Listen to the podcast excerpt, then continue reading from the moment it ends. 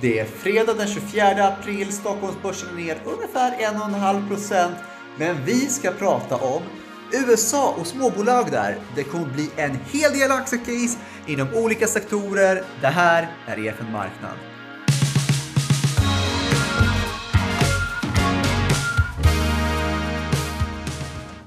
Yes, men då sitter jag här med Linn Hansson som har stenkoll på småbolag där i Nordamerika. Hur är tempen? Vad pratar man om där? Eh, är det oro för corona eller har man fått statlig hjälp som man kan se till? Eller hur, hur är läget? Jag skulle säga att det är ungefär samma situation som vi ser här hemma. Det är otroligt volatilt på börsen. Det är stor oro vad som kommer hända eh, och inte så många som vet någonting alls såklart. Så, så samma sak som här hemma på börsen. Men ska vi då ta och gå in på vad är det ni kikar på för sorts bolag? Vad är viktigt just nu? Speciellt under coronatider. Är det kassaflödena eller tittar ni på balansräkningen eller om det är defensivt slash cykliskt? Vad är det ni kikar på? Vad är det viktigast? Jo, men i, i grunden i det vi letar efter är att bolagen ska vara välskötta. Och det är ju framför allt att man har Eh, en, en, stark ledning och ägare som kan styra bolaget utifrån långsiktiga intressen och eh, se till att hantera kriser så bra som möjligt så att man kan påverka sin, sin egen framtid på bästa sätt. Det är det absolut viktigaste. Och jag skulle säga att när man är långsiktig så, så blir det eh, kanske inte lika mycket fokus på här och nu utan snarare försöka lyfta blicken lite grann och, eh, och se till ja, de kommande åren framöver. Men såklart, eh, välskötta bolag betyder ju också att man har bra siffror, att man är lönsam, att man har bra starka kassaflöden, inte så mycket skuldsättning. Allt sånt där som jag tror att de flesta pratar om just nu. Men eh, då tycker jag faktiskt att vi går och kikar på eh, specifika bolag. Eh, vi ska börja med en eh, Twitterfråga från eh, kapitalistisk klimataktivist som undrar om du kan bjuda oss på ett hållbarhetscase. Vi kan inleda dina aktiecase med, har du några hållbarhetscase ja. du kan ta med? Jo, men ja, alltså först och främst måste man ju säga att hållbarhet är så mycket mer än att man bara fokuserar på Eh, miljön i hållbarhetscaset. Det är nog så viktigt att titta på andra parametrar. Det ser vi inte minst här i krisen som är nu. Det vill säga hur bolaget kan hantera krisen för det första, hur man tar hand om sina anställda och andra intressenter, till exempel kunder och leverantörer. Men med tanke på hans namn så antar jag att han vill ha ett hållbarhetscase när det kommer till miljö. Eh, och då har jag i så fall ett, eh, en intressant bolagsberättelse som det är Winmark Corporation. Winmark Corporation är en franchiseoperatör som äger eh, USAs fem mest välkända och etablerade varumärken inom second hand. Så de har allt ifrån begagnade kläder till sportartiklar och barnprodukter. Och som vi vet, det är ju ingen hemlighet att textilindustrin är en av de största miljöboven för oss och det kommer fortsätta att vara det framöver. Vi har dubblerat vår konsumtion av kläder de senaste 15 åren i takt med att vi har fått en mer, större medelklass och mer pengar i plånboken. Och samtidigt så använder vi kläderna mycket, mycket färre gånger än tidigare. Så det är ju bra då att man kan konsumera kläder på olika sätt. Och jag har med mig en graf här idag, som, eller en bild rättare sagt, som är kanske lite svår att tyda, men den ni kan fokusera på det är den övre delen, den som vi har ringat in med en röd ring. Och det visar på hur vi köpte våra kläder i garderoben för tio år sedan, eller vid 2008. Den till vänster alltså. Den mitten eh, eh, Eh, stapeln är det så som det ser ut idag och sen då den till höger den så som garderoben kommer se ut om tio år. Och det ser vi att second hand har dubblat sin marknadsandel sedan 2008 och kommer fortsätta att göra det de kommande tio åren, faktiskt mer än dubbleras. Det här är otroligt viktigt just på grund av att vi behöver ta ner vår konsumtion av kläder. Och där kommer ju Winmark in just på grund av att de är väldigt duktiga på att hjälpa sina franchisetagare. Dels vart någonstans i USA de ska etablera sig, eh, hur butiken ska se ut, vad de ska köpa in, hur de ska prissätta och hela tiden guida de här bolagen eller de här eh, kunderna i så på bra sätt som möjligt. Och eh, vad är eh, liksom möjligheterna här? Är det här ett bolag som är dominerar den här sektorn second hand eller Eh, är det här liksom, kan man köpa dem och tänka att det här är ett bett på den strukturella tillväxten, de kommer behålla sina marknadsandelar. Eh, det är bara att rida på den här vågen. Eh, man ska ha klart för sig, det här är en del fysiska butiker um, som ju för tillfället, det kan man nästan se då av grafen, har lite svårt i och med att de är stängda um, i mångt och mycket i USA. Och det är ju en stor marknad det här med andrahandskläder eh, uh, generellt. Det finns ju väldigt mycket appar online, butiker och så vidare. Men det här är de fem största etablerade varumärkena som vissa av dem har en del online.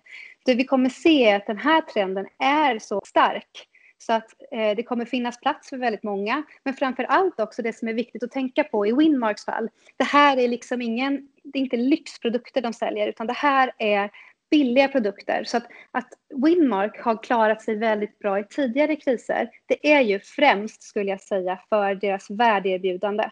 Folk har inte råd att gå och köpa någon annanstans. Så det här kan man väl säga är som Frälsningsarmén, till och med kanske nivån under. Det, det, är liksom ingen ekonomi än att ha det här på online, utan det är att de här butikerna finns i närområden för folk att, att gå och köpa sina kläder. Eh, ska vi mm. prata om eh, lite infrastruktur? Ja. Construction Partners, det är ett infrastrukturbolag som utför underhåll på befintliga vägar. Så det man kan säga att de gör är att de fixar hål i vägar. Och eh, de finns då i sydöstra USA i fem delstater där solen nästan till alltid skiner. Så de kan i princip jobba året om. Eh, det är små och återkommande projekt som bolaget utför. Och för alla oss som har varit i USA vet hur dålig infrastrukturen kan vara på sina håll, inte minst då vägarna. Det är minst sagt undermålig.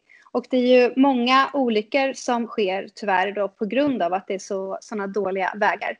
Så om man tittar på den här bilden över delstaterna där Construction Partners befinner sig så är det här då ett nationellt betygssystem för eh, hur vägarna ser ut. Det går från A till F där A är bäst och F är sämst. Och som ni ser här så har betygen på de här delstaternas vägar som bäst C, vilket då ska klassas som mediokra. Så det finns ett enormt behov av att uppdatera och investera mer i vägarna. Men om man jämför med oss i Sverige, är det eh, värre eller bättre? Eller liksom, om, man inte kan de här risk, eh, om man inte kan de här klassificeringarna, hur, hur ser det ut? Jo, men jag, eh, eh Sverige har ju mycket bättre vägnät, absolut. Eh, om man eh, ska titta på siffror i USA ska man säga att eh, generellt sett så investerar de ungefär hälften så mycket som de skulle behöva göra.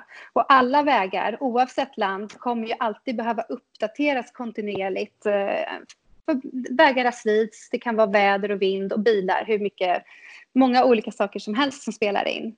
Ehm, det som är viktigt i de här delstaterna också, det är att delstaterna har förstått att man måste eh, öka investeringarna på vägarna i delstaterna. Så alla de här fem delstaterna har höjt bensinskatt för att kunna ha råd att finansiera de här infrastrukturprojekten, vilket ju då kommer gynna eh, Construction Partners även framöver. Eh, men om vi då ska ta en snabb tittarfråga på det här. Eh, från eh, Gustav som undrar, är det här liksom ett case som de fem, nästa fem åren kommer att ge 10 till 15 procent eller är det här mer ett case för att det är stabilt och tryggt eller hur, hur är det? Är det en tillväxtraket eller hur ska man se på det här? Ehm, jag skulle nog säga att det är rimligt att tro att någonstans runt 10 procent eh, kan det här absolut ge. Vi har väl räknat med något lägre för att vara konservativa. Eh, och jag skulle ändå säga att det är ett relativt stabilt case just på grund av allting som vi har pratat om och gått igenom. Det är sån eftersatt infrastruktur och det här kommer ju kontinuerligt behöva uppdateras hela tiden. Man har finansiering mångt och mycket till plats. Plus eh, att det är väldigt små pro projekt för construction partners. Eh, så små och återkommande projekt som hela tiden behövs göras för att vägarna ska liksom hålla den kvaliteten som man vill ha på vägarna. Eh, men då tycker jag vi går vidare till det sista caset som är Exponent. Så Exponent är, de har egentligen ingen direkt konkurrent som man kan jämföra med. Men man kan säga att de är ett specialistkonsultbolag. Det de gör är att de löser komplexa problem som uppstår. Eh, deras kunder är alltifrån stater, alltså länder, eh, till jurist, juristbyråer eh, och, och vanliga eh, Ehm, bolag i industrin. De har ju framför allt varit väldigt duktiga på reaktiva projekt. Det vill säga att de hjälper till när det har varit någon olycka eller någon stor kris någonstans. Till exempel så var de med eh, efter 9-11, hjälpte till då. Eh, stormen Sandy. De var även med i, efter BPs oljeläcka i Mexikanska golfen. Så det är väl exempel då på reaktiva jobb som de har fått hjälpa till med. Men de har också en del proaktiva jobb, det vill säga till exempel när de analyserade och hjälpte Samsung med, eh, för några år sedan så hade de en mobil vars batteri överhettades och började brinna. Då fick de en hel del proaktiva jobb, för det var väldigt många andra bolag som ville ha hjälp med att se att inte något liknande kunde hända med deras produkt. Så att um, där har man också då en tillväxttrend framöver för bolaget. Men den långsiktiga trenden för bolaget är ju framför allt att, att vi lever i en mycket mer komplex värld än vad vi gjorde för några år sedan. Så det krävs att man får hjälp med eh, säkerhet, hållbarhet och eh, i stort sett högre krav och eh, regleringar överallt som då Exponent kan hjälpa till med.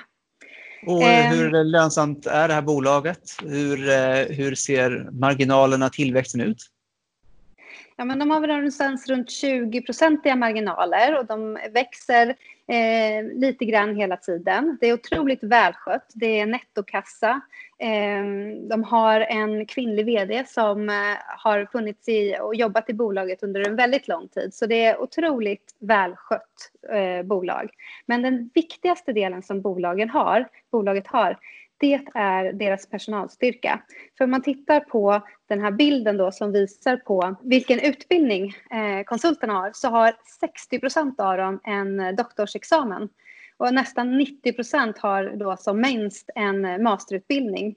Och de här som bara har en bachelorutbildning, de har ju liksom jobbat ute i eh, industrin och på så sätt då fått sin specialisttjänst. Så otroligt smarta människor och de eh, finns egentligen i alla sektorer så de kan dra nytta av, av, av allt som händer där ute i världen kan man säga. Men det som är viktigt också att titta på det är att de är relativt oberoende av cykler. Lite mindre än vad man skulle kunna tro att de är just på grund av att de har en, den största andelen av försäljningen går till sådana här reaktiva projekt. Det vill säga olyckor, kriser som uppstår som man ju tyvärr inte kan förutse.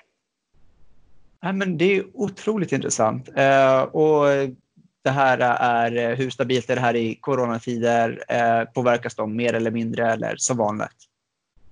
Ja, men alltså det här är, nu har ju inte de rapporterat sin Q1 än, men om man ska tolka hur deras uppdatering på hemsidan och så vidare så verkar de ju ha en hel del jobb på grund av eh, covid-19, hur man ska klara av de här kriserna och så vidare. Det är ju såklart svårt att se hur mycket jobb de får utifrån det här, men till exempel om man tittar på hur, eh, hur de klarade av det här med handelskrigen biten så fick de faktiskt en hel del jobb för att analysera hur handelskriget skulle påverka deras kunder. Men, men eh, det är ju helt klart så att, att ingen riktigt vet exakt hur mycket eh, som de heller kommer påverkas av coronakrisen. Du, eh, Lina Hansson, det här var ju hur intressant som helst. Tre aktiecase eh, och det var det vi hann med just den här gången. Eh, EFN Marknad är ju såklart tillbaka imorgon 11.45 som vanligt. Missa inte oss då. Hej så länge och tack för att du var med Lind. Hej!